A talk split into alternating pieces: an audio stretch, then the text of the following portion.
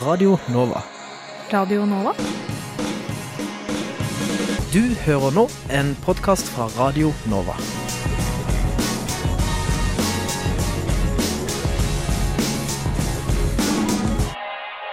Hadde de helt legitimt, kanskje, tatt i våpen? Og, og så direkte skildring av menneskeskjebner tror jeg ikke vi har sett i noen annen nyhetsdekning av noen annen terroraksjon. Det er såpass store forskjeller mellom den kalde krigen, hvor det var to supermakter som sto mot hverandre, eh, og den situasjonen vi har i dag.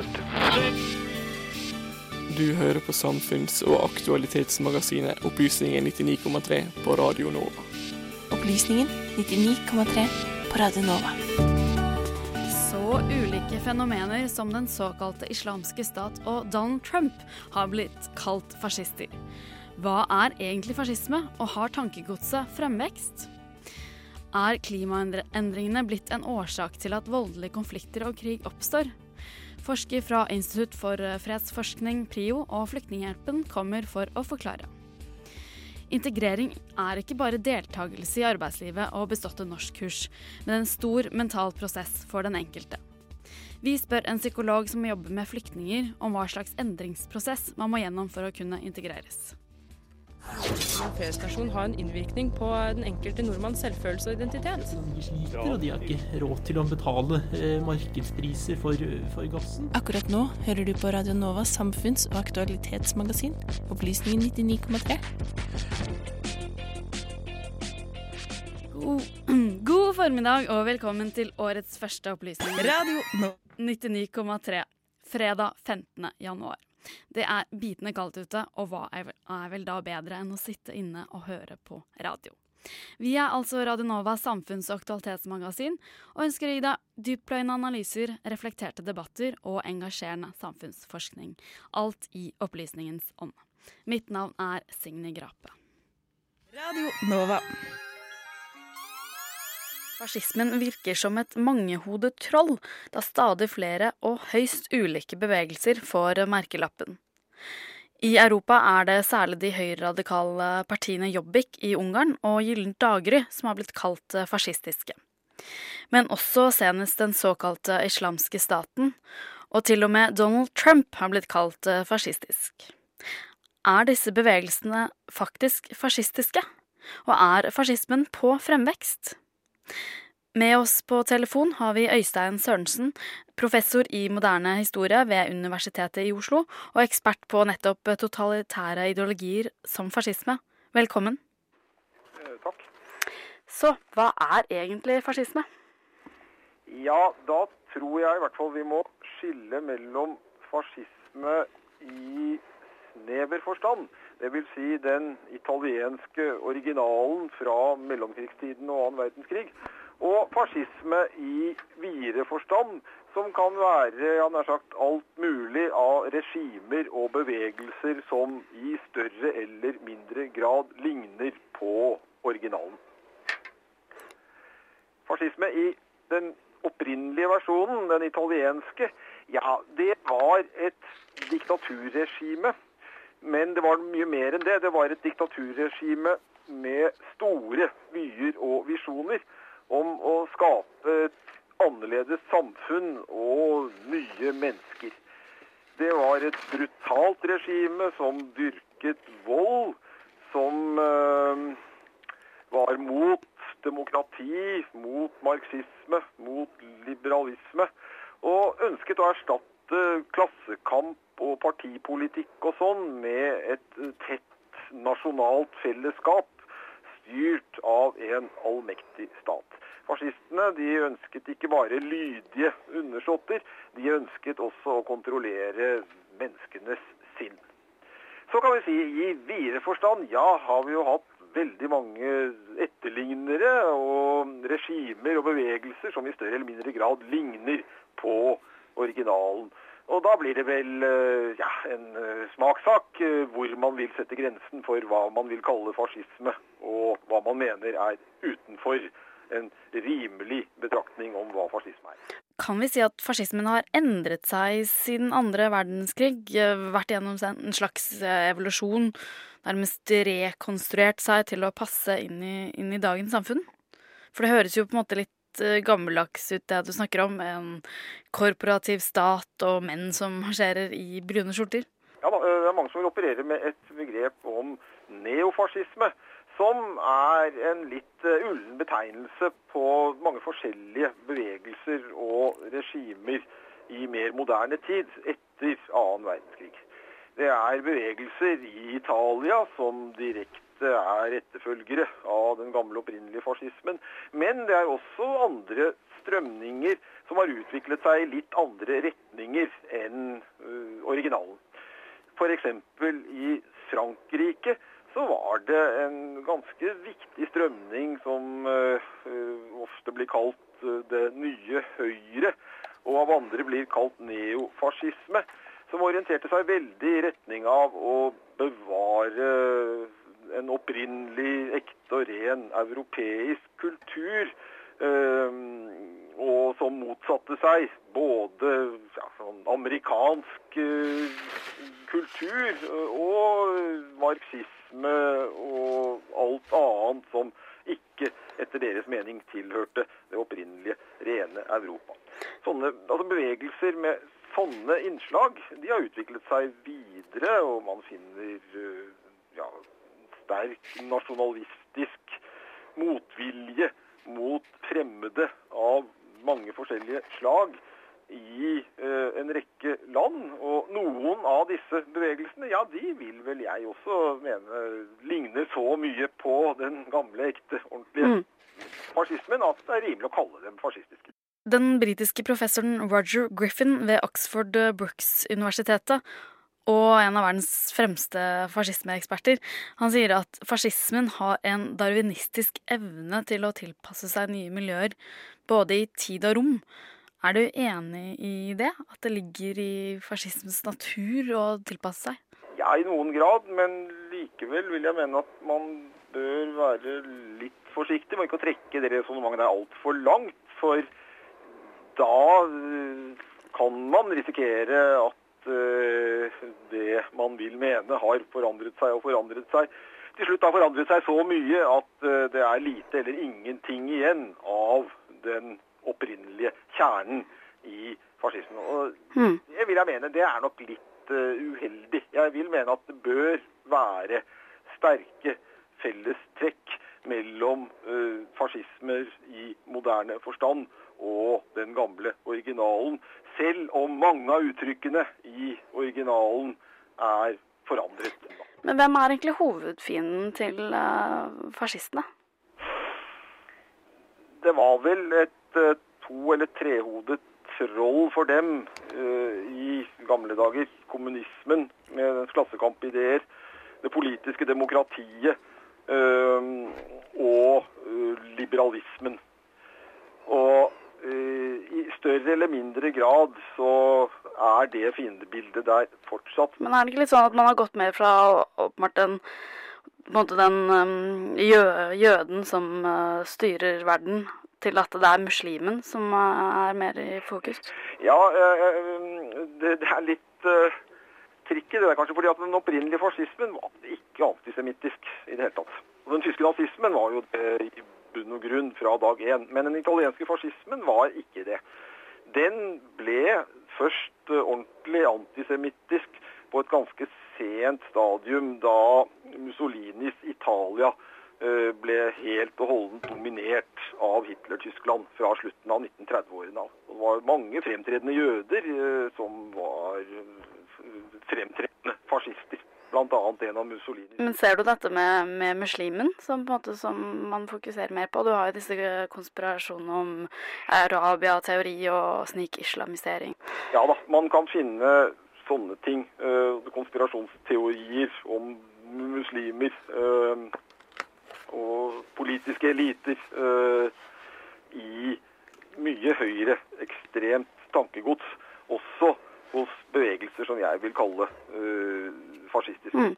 Ja, for jeg nevnte jo Jobbik i Ungarn og Gyllent daggry i Hellas. Um, dette er jo folk som marsjerer i gatene i sorte uniformer, rett og slett.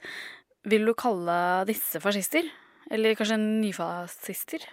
Ja, altså begge de bevegelsene der, både Jobbik i Ungarn og Gyllent daggry i Hellas, de vil jeg kalle fascisme. uten noe særlig hemninger eller motforestillinger. Altså. De eh, har så mange trekk som ligner på den originale italienske fascismen, at eh, jeg ser ikke noen store betenkeligheter ved det. Front Nasjonal i Frankrike, da? Nei, de vil jeg ikke kalle fascister. Eh, selv om det sikkert kan være både enkeltpersoner og enkelte miljøer innenfor eh, Nasjonal Front i Frankrike som si, tenderer mot fascisme, så gjør ikke partiet som sådan det. Slett ikke nå om dagen med det eh, litt moderniserte og eh, freshere Ja, de, eh, ja, de prøver det så godt de kan å ta oppgjør med fortida. Um, den, ja, bare, bare poeng der, for jeg mener at Mm. det avgjørende i så fall der, det er at uh, Nasjonal Front de holder seg innenfor det politiske demokratiet. Altså Fascisme i alle varianter vil jeg mene bryter med det parlamentariske, politiske demokratiet som vi kjenner. så du mener at vi kan aldri ha et fascistisk parti eh, representert i et parlament? Jo, jo, jo, det, jo, for all del. Det var ikke det jeg mente. De kan stille opp til valg, og de kan være representert i nasjonalforsamlinger. Men da gjør de det med tanke på å forandre hele det politiske systemet. Og så å si undergrave øh, det de vil ha bort innenfra. Mm. Det kan man jo sett mange andre udemokratiske partier gjøre. Det Kommunistpartier har gjort det i alle år. Men eh, så var det dette med IS, da, eller den såkalte islamske staten. Eh, Bård Larsen, eh, da historiker, eh, skrev nettopp, argumentert for dette i VG før jul. Er du, vil du si deg enig med han? Nei, jeg tror ikke det. Eh, Jeg har sett at det er et eh, uttrykk islamofascisme som eh, mange vil bruke også om den såkalte islamske staten og lignende bevegelser. Men jeg vil prøve å unngå det, jeg, fordi jeg syns at det tilslører for mange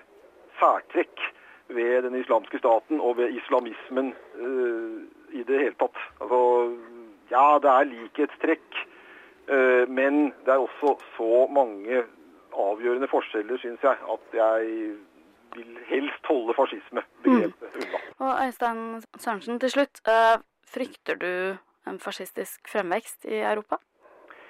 Jeg frykter i hvert fall en sterk oppblomstring for høyreekstremisme og aggressiv nasjonalisme av ulike slag. Og hvorvidt øh, denne oppblomstringen også blir en oppblomstring for fascisme, ja, kanskje. Men den kan også ta seg andre uttrykk, som jeg i hvert fall ikke uten videre vil kalle fascistiske. Uten at de nødvendigvis blir noe bedre. Tusen takk til deg, eh, Øystein Sørensen. Du er altså professor i moderne historie ved Universitetet i Oslo. Akkurat nå hører du på en podkast fra Radio Nova. Nå skulle vi egentlig snakket om eh, Polen og hvordan EU truer landet med sanksjoner etter at den nye nasjonalkonservative regjeringen har vedtatt omstridte lovendringer som har blitt eh, kritisert for å være antidemokratiske. Men pga. sykdom må det vente til en senere sending. Og istedenfor får du et gjenhør med et intervju av Hans Olav Lahlum om Bernie Sanders, Hillary Clintons motstander, som demokratenes presidentkandidat til valget senere i år. Og Sanders knapper inn på Clinton, og nylig sa hele 41% av demokratiske velgere at de ville kunne stemt på ham. Det er Hanne Kjærland Olsen som er programleder. Bernie Sanders elsker sosialdemokratiet og er selv erklært demokratisk sosialist. USA må lære av Norge, Sverige og Danmark, mener Sanders. Men det får republikanerne til å rope 'kommunist'! Er vi nordmenn egentlig kommunister? Med oss i studio så har vi Hans Olav Lahlum, historiker og SV-politiker. Først og fremst, hvem er Bernie Sanders? Han er en uh, gammel radikaler, født i 1941, så han blir altså da Han er 74 år, han kommer til å være 75 når presidentvalget neste år finner sted. Veteran som har vært med fra borgerrettskampene fra begynnelsen av 60-tallet faktisk, og frem. og egentlig har hatt ganske konsistente venstreradikale eh, synspunkter over lang tid. Så har han gått gradene litt opp i det amerikanske demokratiet. Vært lokalpolitiker i hjemstaten Vermont på 80-tallet særlig. Eh, og så tar han da spranget over i rikspolitikken og blir medlem av Representantenes hus i 1990. Og fortsetter videre over i Senatet, hvor han da har sittet siden 2006. Så han er en som egentlig har vært der veldig lenge, eh, og tilhørt det man må kalle ytre venstre, i hvert fall rikspolitikken i USA, i veldig lang tid. Og så har det skjedd noen ting nå som har gjort at han har fått større interesse enn han har hatt tidligere. Han, Bernie Sanders har erklært seg selv som demokratisk sosialist. Og vi i Norge tenker kanskje med en gang eh, på sosialdemokratiet. Men hvordan oppfattes denne uttalelsen blant amerikanerne? Demokratisk er jo for så vidt greit. Sosialist er nok litt mer kontroversielt. Og eh, hvor stor andel av befolkningen i USA som liksom skiller mellom demokratisk sosialist og sosialist, og hvor bevisst man er de forskjellene der, det er jo tidvis begreper som flyter litt over i, hverandre i eh, Norge også. Han oppfattes nok eh, som en venstreradikal i USA, men han kommer jo nå i en tid hvor Eh, det politiske etablissementet, om man kan kalle det det, egentlig begge de store partiene, er blitt litt diskreditert. Mange er misfornøyd med det. Mange er misfornøyd med situasjonen på ulike områder. Han mener at USA bør lære av de skandinaviske landene. Eh, hva er det han ønsker at man skal lære? Han ønsker jo fremfor alt en velferdsstat eh, etter mønster av det man har hatt i de nordiske landene. Man ønsker en mer aktiv statlig omfordelingspolitikk. Og han er egentlig en ganske konsekvent eh, venstreradikal politiker, som da for USA er veldig venstreradikal. Eh, som for Norge ville vært et stykke ut på venstrefløyen, men ikke på noen måte blitt oppfattet som ekstrem, fordi amerikansk politikk gjennomgående står et uh, par hakk til høyre for norsk. Ja, ikke sant. Men hvordan vil du da forklare at amerikanerne har så totalt forskjellig syn på hva sosialdemokratiet er for noe? Sosialdemokrati har ikke på den måten vært noe begrep i USA. Har, den motsetningen man har hatt i USA, har vært mellom de konservative og de liberale. Så det er de liberale eh, som for en stor del i Norge befinner seg i sentrum, som liksom har vært eh, venstrefløyen i amerikansk politikk. Og det er den liberale konservative, og ikke en sånn konservativ mot sosialdemokrater, som har vært eh, hovedmotsetninga. Eh, der, så sånn sett så er det klart Det var jo en periode under den kalde krigen hvor sosialisme ble et skjellsord, ofte slått sammen med kommunisme. Sosialdemokrati er nok et mye mindre sentralt begrep i samfunnsdebatten i USA og i det politiske miljøet der, rett og slett fordi det har vært veldig få som har erklært seg det. Det har vært denne liberal-konservative eh, todelinga man har hatt. Ja. Du, Før vi gikk i studio, så nevnte du at uh, det finnes flere lignende typer som Bernie Sanders i Storbritannia. Så ser vi jo at de har uh... Ja, der skjedde det jo. Altså, Jeremy Corbyn i Storbritannia, som nå har blitt partileder for Labour, er jo en politiker som har ganske klare likhetstrekk til Bernie Sanders. Altså Det er samme generasjon. Og det er to politikere som egentlig har vært ganske konsistente gjennom en relativt lang politisk karriere stått åpent for venstreradikale synspunkter. De var regna for ganske marginale, litt sånn perifere, utopiske, om du vil, eh, politikere for ganske få år tilbake. Så har de fått en oppblomstring nå pga. en del utvikling i innenrikspolitikken. og dette henger jo en del sammen med spørsmål om forskjeller osv. Eh, det er typisk at Corbyn kommer frem i en periode hvor mange oppfatter at de Eh, sosiale forskjellene i Storbritannia har økt, at det er veldig store problemer med økonomien osv. Og, så og så kommer jo han da frem og ble partileder i en situasjon hvor etablissementet i eget parti på veldig mange måter hadde spilt fallitt og tapt et valg, og hvor de konservative sitter med en trygg posisjon for de neste fem årene. Så, så, det, er, det, er, klart at det er veldig interessante ting, både en sammenheng med Bernie Sanders og Corbyn mellom USA og Storbritannia. Og Man har jo også denne som vi har vært inne på, litt sånn rare situasjonen i USA med at det er en kandidat fra det man vil kalle ytre venstre, med Bernie Sanders. Og samtidig en veldig sånn høyrepopulistisk sluggerkandidat eh, på andrefløyen, da med Donald Trump. Mm. Eh, jeg har jo sagt litt sånn spissformulert at den eneste sjansen en av de har til å vinne et presidentvalg, er hvis de får stille mot hverandre. Eh, det er vel litt spissformulert. Vi får nå se hvordan det går. Men eh, Corbyn klarte jo å bli valgt til partileder.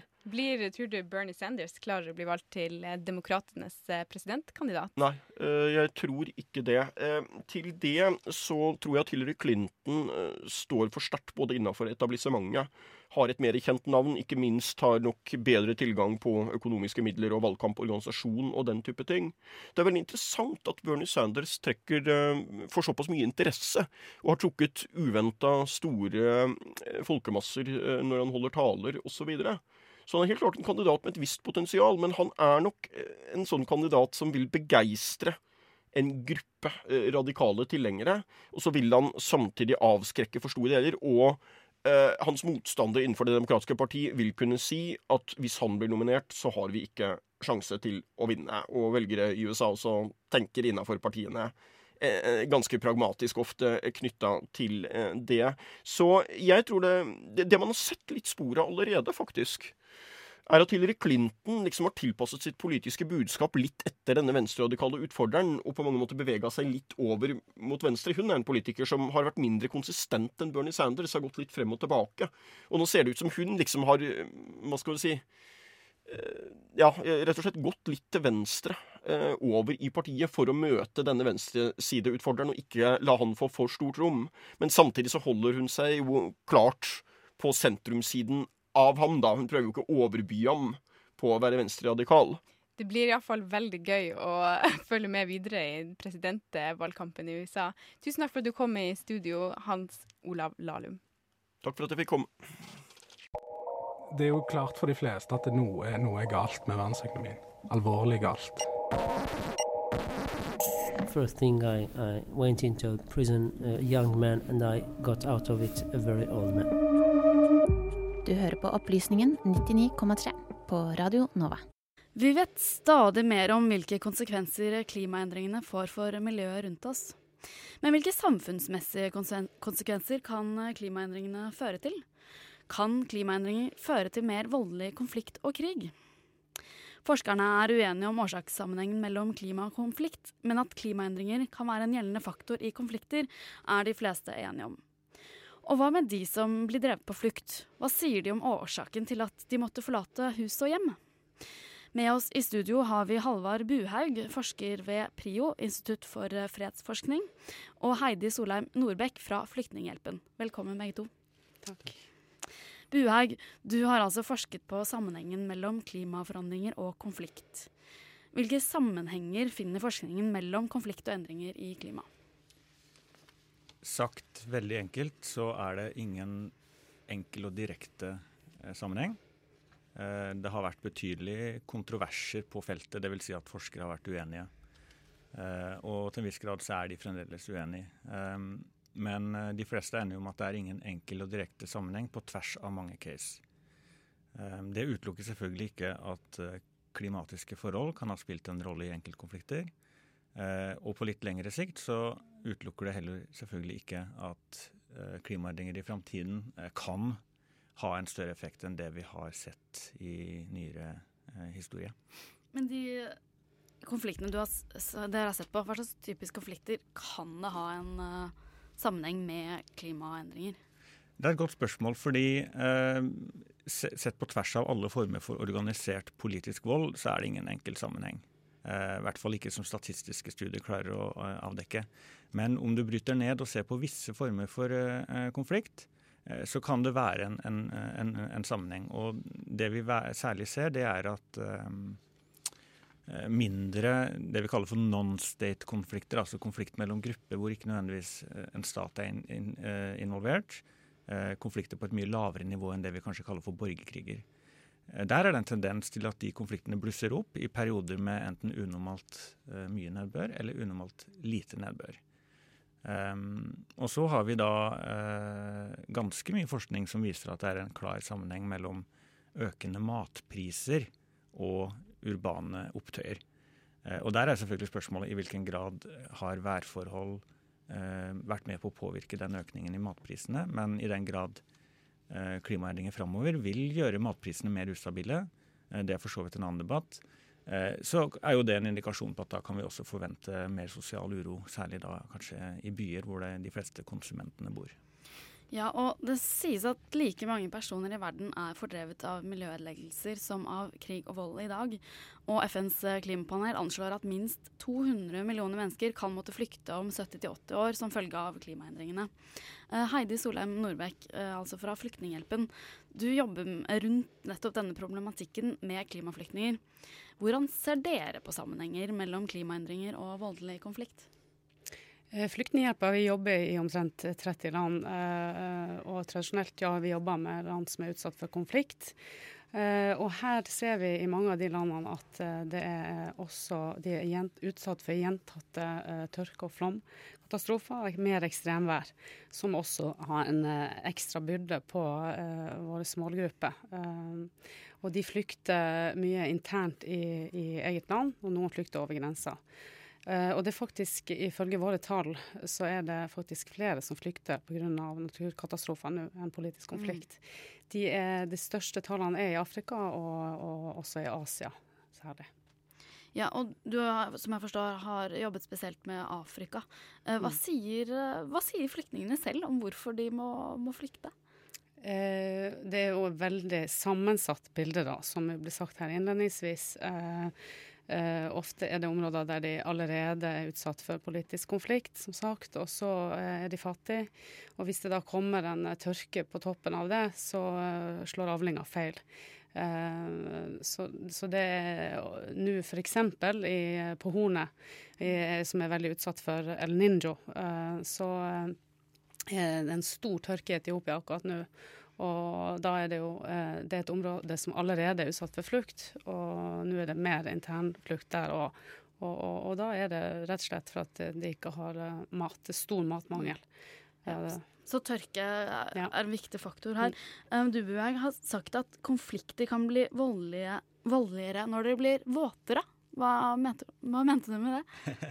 Ja, eh, det er en eh, observasjon som flere statistiske studier eh, rapporterer. Og så kan man diskutere hvorfor dette, eller hva det skyldes. Jeg har sett noen forklare dette, kanskje særlig når vi snakker om det, det cattle raiding, altså kvegtyveri og vold knyttet til det. Der er det noen som hevder at i perioder med unormalt mye nedbør, så er budskapen mye mer selvdreven, og man har mer tid til å faktisk drive med med eh, væpnede angrep på eh, nabostammer f.eks. Slik at da, det, da, snakker vi kanskje mer om sånn taktiske fordeler knytta til visse perioder. Um, så det er kanskje den, den, forklaringen som ser ut til å dominere bildet. En annen forklaring er at uh, i andre perioder, kanskje særlig perioder hvor det da er tørke, så har ikke menneskene og eh, lokalbefolkningen holdt på å si, nær, nær sagt det overskuddet til å, å, føre krig. De er opptatt av å fø seg og sine. Eh, og at eh, ja, Det er noen som sier at sultne mennesker kriger ikke. Altså, de, har, de, har, de har rett og slett mer enn nok med å overleve. Mm. Så det blir nesten en sånn overskuddsfenomen, det å gå, gå, til krig. Men jeg forstår du som forsker er opptatt av uh, kausale årsakssammenhenger. Det skjønner jeg, og at det er vanskelige og komplekse faktorer i bildet her. Men er det ikke nærmest litt sånn intuitivt å tenke seg at, at et hardere klima og mer klimakatastrofer, som da tørke og flom, økt havnivå f.eks., nærmest uunngåelig vil føre til mer konflikter i fremtiden? Det er ingen tvil om at det vil føre til veldig mye lidelse. Eh, og det er jo også godt mulig at det vil eh, forsterke faktorer som vi vet er knytta til konflikt. Eh, da tenker jeg særlig på sosial ulikhet, ulikhet mellom grupper. Dersom klimaendringene i framtiden eller enkelte ekstremværhendelser eh, fører til større ulikhet mellom grupper, så kan det i seg selv være en, en kime til konflikt. Mm. Eh, men det at det blir varmere, eller det at det ikke er så mye vann i dag som i går, det er, ikke så veldig mye som tyder på at folk går til krig av det alene. Eh, så det er i så fall en ganske kompleks uh, sammenheng vi snakker om her. Mm, uh, forskere ved bl.a. Universitetet i California publiserte en artikkel i fjor som mente at klimaendringer i Syria, og da den verste tørken noensinne registrert i årene forut for krigen, kan ha vært en viktig faktor for krigsutbruddet. Er du enig i det, Bjørg? Ehm, jeg kan vel starte med å si at jeg er ingen Syria-ekspert. Men jeg kjenner jo veldig godt til den studien her, og jeg har forsøkt å lese meg litt opp på hva andre eksperter sier. Eh, det som er helt sikkert, er at eh, Syria, men også nabolandene, altså regionen i indre eller nære Østen, eh, gjennomgikk den verste tørken i moderne historie. Det førte til at mange måtte forlate jorda på landsbygda og dro til byene. Fordi det var rett og slett ikke mulig å leve av å dyrke jorda lenger.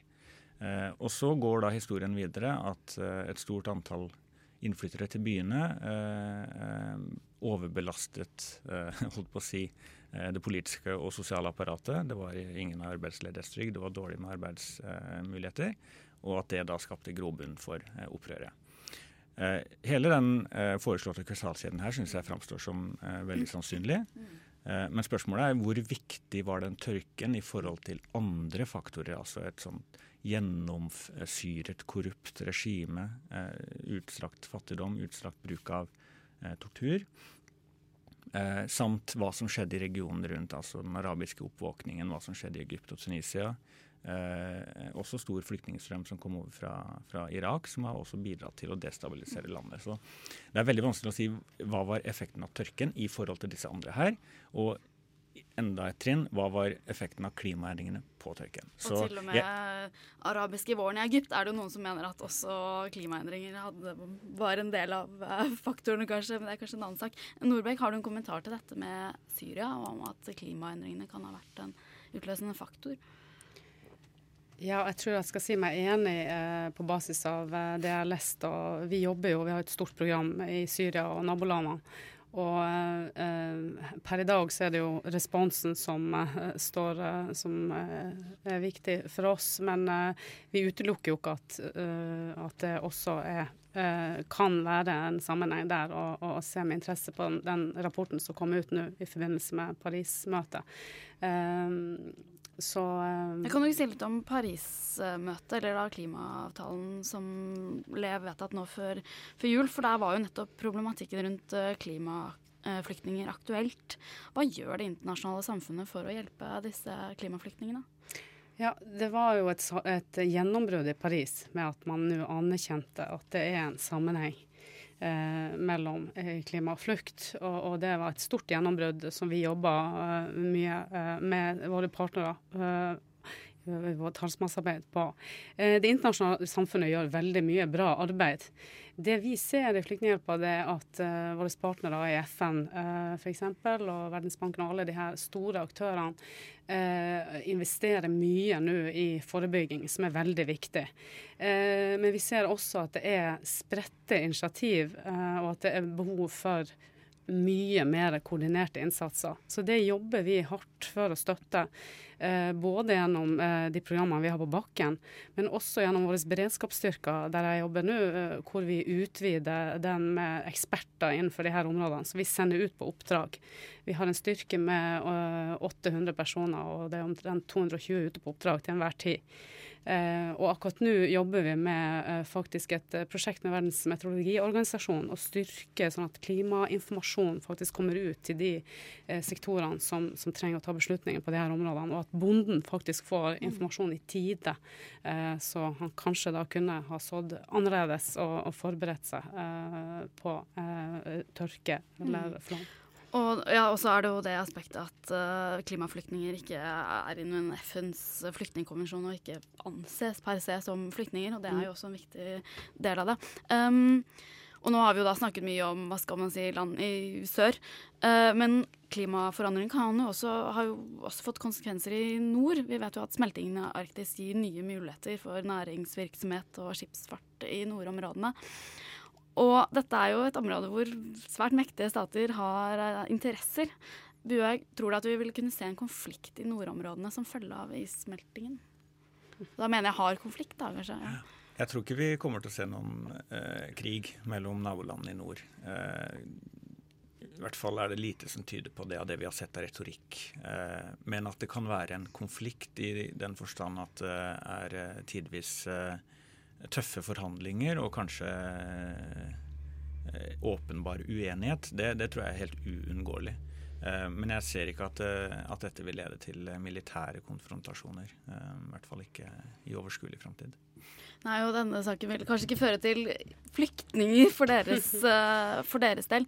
Men du er vel enig i at her det trengs mer Det er vel begge enige om, at det trengs mer forskning, forskning på området? Ja, jeg tror at det som er interessant nå, det er at man, i vår sektor nå så er det innovasjon som er det store ordet, og innovative tilnærminger. Det at uh, man jobber tett sammen på tvers av sektorer som kanskje ikke tradisjonelt har jobba så mye sammen, ser vi kan hjelpe. Så det initiativet jeg nå nylig nevnte her med klimatjenester, da forsøker vi å få til samarbeid på tvers av både med forskning, men også med tekniske eksperter innenfor meteorologi, hydrologi osv. Så videre, sånn at uh, man jobber sammen om og, og uh, de her problemstillingene. Buhaug, du forsker uh, mer på sammenhengen mellom klima og konflikt. Absolutt. Da har vi altså belyst den problemstillingen, og det er nok en problemstilling som ikke blir uh, hva skal man si, mindre aktuell med årene, dessverre. takk til deg, Halvard Buhaug, du er forsker ved PRIO, og Heidi Solheim Nordbekk fra Flyktninghjelpa. Akkurat nå hører du på en podkast fra Radio Nova. Integrering. Et begrep vi hører hele tiden. Men hva betyr egentlig integrering? Er det noe vi enkelt kan lese oss til gjennom statistikk fra Statistisk sentralbyrå over grad av deltakelse i arbeidsliv, antall beståtte norskkurs eller grad av tilslutning til såkalte norske verdier? Eller er integrering vel så mye en enorm mental prosess den enkelte innvandrer må gjennom, som ville vært opprivende for de fleste av oss i en lignende situasjon? Og hva skal til for at denne prosessen lykkes? Med oss for å forsøke å svare på dette har vi psykolog og doktorgradsstipendiat ved Nordfjord psykiatrisenter og debattant Medi Farspa og, så, og som forsker på traumebehandling av flyktninger. Velkommen. Tusen takk. La oss starte med det grunnleggende. Hva er integrering? Jeg tenker integrering psykologisk sett bør defineres som at det er minimalt med spenninger mellom det gamle og det nye. Altså, Man kan være vietnameser og nordmann samtidig. At det ikke er noe i veien for å både feire jul og gå i moskeen. Det tenker jeg er integrering. Reell integrering. Og så må vi kanskje skille litt på integrering. At det finnes ulike typer. Altså, man, ja, du snakker om at man må ja, som du sier, ta del i samfunnet med jobb og skatt. Og så kan vi ha en slags sånn mer egentlig en assimilering? Ja, altså det, det, er veldig viktig at man både i samfunnsdebatten og i praksis definerer hva man mener med integrering.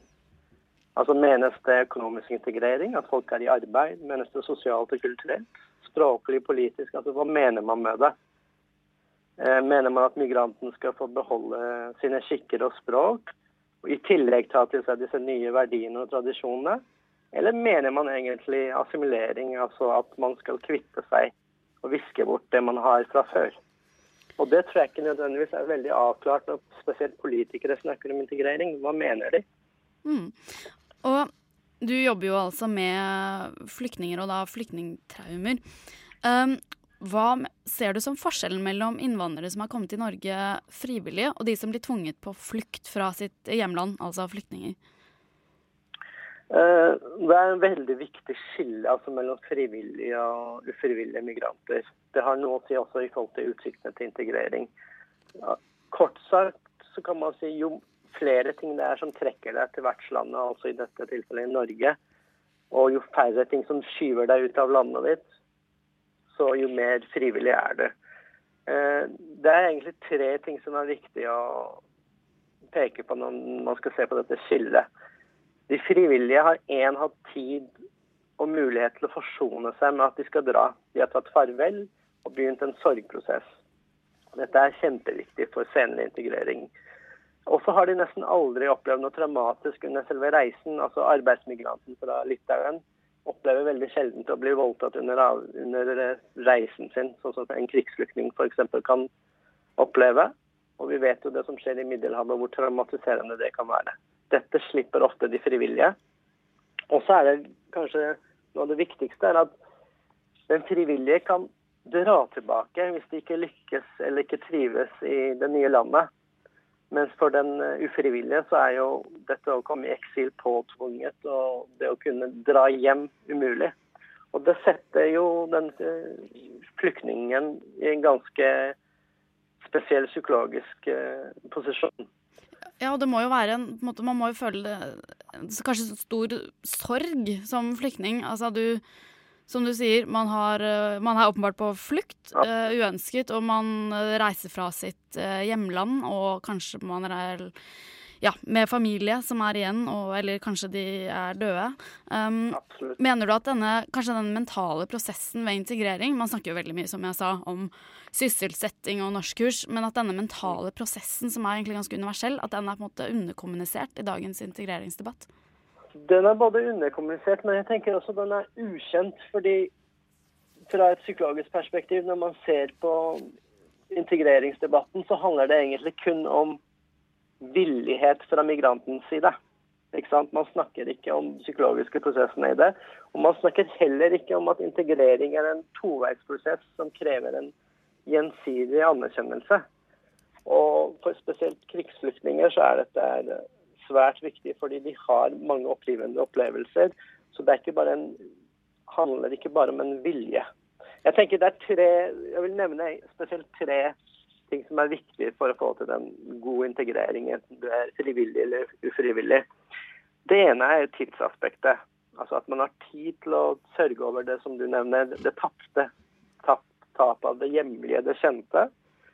Og tid til å bli kjent med den nye, den nye kulturen og den sedvaner. Det er ene tingen. Den andre tingen som også er viktig, er at migranten, krigsflyktningen i dette tilfellet, opplever seg velkommen og ikke føler seg angrepet av vertskapet. Og dette handler jo veldig mye om den politiske og sosiale atmosfæren i landet man kommer til.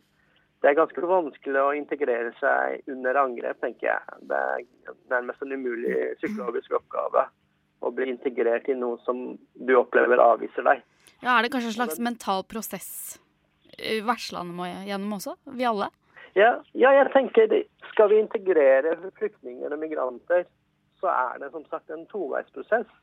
Man må forsøke å la være å angripe det fremmede. For det gjør det veldig vanskelig.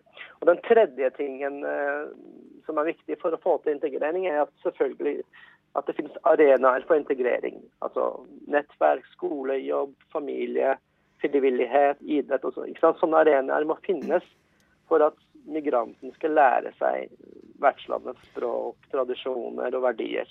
Mm. Og en svært omtalt uh, sak i disse dager er jo at på nyttårsaften så skal flere hundre kvinner ha blitt utsatt for seksuell trakassering i Köln i Tyskland. Og i Malmö skal lignende hendelser ha skjedd. Og mange av kvinnene omtalte gjerningsmennene som av arabisk eller nordafrikansk utseende. Og vi aner jo ikke noen ting om hvem disse mennene var, og iallfall ikke bakgrunnen deres. Men likevel peker mange på at en del flyktninger har holdninger, da kanskje særlig overfor kvinner, som ikke er forenlig med holdninger holdning vi ønsker i Norge. Hva tenker du om dette? Jeg er veldig glad du spør meg om akkurat det. fordi La meg bare aller først presisere. Har enkelte flyktninger, migranter, folk som kommer fra andre kulturer, holdninger og handlinger som er uforenlige med hva vi ønsker? Ja, absolutt. Så dette er ikke et forsøk på å si at dette er ikke et problem. Men det er to problemer med dette. her. Det ene er at vi vet ikke, som du nevner, hvem disse folkene er. Men dette her, denne saken blir tatt inntekt for at det er problematisk å integrere asylsøkere og flyktninger som kommer nå. Det er det ene som er problematisk. Vi aner ikke hvem disse menneskene er, hva slags psykologisk profil de har. ikke sant? Det andre er at man legger skjul på at også i majoritetsbefolkningen, den befolkningen som allerede er her, er dette et problem. Ikke sant? Det, man prøver det, Gjennom disse prosessene så ser det ut som man prøver å projisere disse problemene kun til det fremmede. Men vi vet jo at uh, opptil 16 000 kvinner blir voldtatt i Norge. De fleste på fester, private arrangementer. Men, men det er vel ikke det er vel ikke så rart å si at en del uh, flyktninger som kommer, åpenbart kommer fra en ganske annen kultur uh, enn uh, det norske, og at det vil åpenbart da oppstå uenighet om verdier. Absolutt. Mm. absolutt. Problemet er at det, problemet oppstår når man sier de har disse holdningene, og vi har disse holdningene. For mm. det er jo ikke sant. Vi vet det ikke er sant. Um, Der du, er det utfordringen. Mm. Uh, og du som psykolog som jobber med flyktningspørsmålet, uh, hva syns du om hvordan integrering blir omtalt i media i dag? Altså, det er jo mye fokus altså For det første er det en sånn ganske polarisert debatt når man snakker, eh, enten som forskere eller andre fagpersoner eller politikere, snakker om at det går bra med integreringen, så tas det automatisk i visse sirkler til inntekt for at vi mener det ikke er et problem. Selvfølgelig er det masse problemer rundt integrering. Det skulle bare mangle at så mange mennesker fra fremmede kulturer kommer i et nytt land. Klart det oppstår problemer. Mm. Det er problematisk. Eh, og det andre jeg tenker er problematisk, er at man en ikke fokuserer på hva som må til for at en reell integrering skal skje, også et, fra et psykologisk perspektiv, men også man glemmer alt det positive som uh, skjer i dette feltet. Altså Det går fremover. Spesielt så går det fremover med barn av innvandrere og flyktninger. De blir integrert, de tar seg høyere utdannelse. Og det er en del uh, forskning som viser, ny norsk forskning som viser at det vokser opp en ny norsk middelklasse med god inntekt, gode jobber og god utdannelse. Men sånne typer nyheter blir dessverre i medienes uh, fokus på problemene borte. Mm. Du... Jeg viser f.eks. til studiene til han, sosiologen Hermansen, Are Hermansen, som viser at det går med andre generasjon og tredje generasjon går det meget bra. Men du jo med, eh, har jobbet med sterkt traumatiserte mennesker som da har vært på flukt og opplevd de forferdeligste ting. Er det håp for dem? Er det mulig å integrere dem når de har et så dårlig utgangspunkt? Det, altså En uh, psykologisk integrering er ganske vanskelig i begynnelsen for sterkt traumatiserte mennesker. Men det handler ikke om uvillighet, men mer om deres psykiske tilstand som egentlig handler om at de ikke engang er integrert i seg selv. Mm. Altså De har eh, symptomer som gjør det ganske vanskelig å være sammen med seg selv. Mm. Da blir det vanskelig å ha krav til hvor fort de skal integrere seg. Men alle mennesker med riktige, forut, altså med riktige intervensjoner og riktige rammer vil kunne integrere seg i det norske samfunnet. Om de, får den, eh, om de får den rette hjelpen. Og Takk til deg, eh, Mehdi Farshba, du, for at du satte nettopp fokus på denne siden av eh, integrering, som ikke har vært eh, så mye diskutert. Du er altså psykolog og doktorgradsstipendiat ved Nordfjord psykiatrisenter. Takk skal du ha. Med det var denne ukas eh, sending over. Eh, tekniker har vært eh, Isak Rea. Og de som har laget ukas sending, har vært Hanne Kjærland Olsen, Sindre Bech, Vebjørn Løvaas og Herman Borgstrøm. Og jeg heter altså Signe Grape. Hør oss igjen når som helst på radionova.no. Lik oss på Facebook, sjekk oss ut på SoundCloud, eller last oss ned som podkast, som du finner da i iTunes eller der du laster ned podkaster. Radio Nova har opptak av nye medlemmer nå, så søk gjerne hit til opplysningen eller et av de andre programmene på kanalen. Søknadsfristen er 30. januar. Mer informasjon finner du på radionova.no. Nest ut på kanalen er Nyhetsfredag med Studentnyhetene. Vi avslutter med Galcher.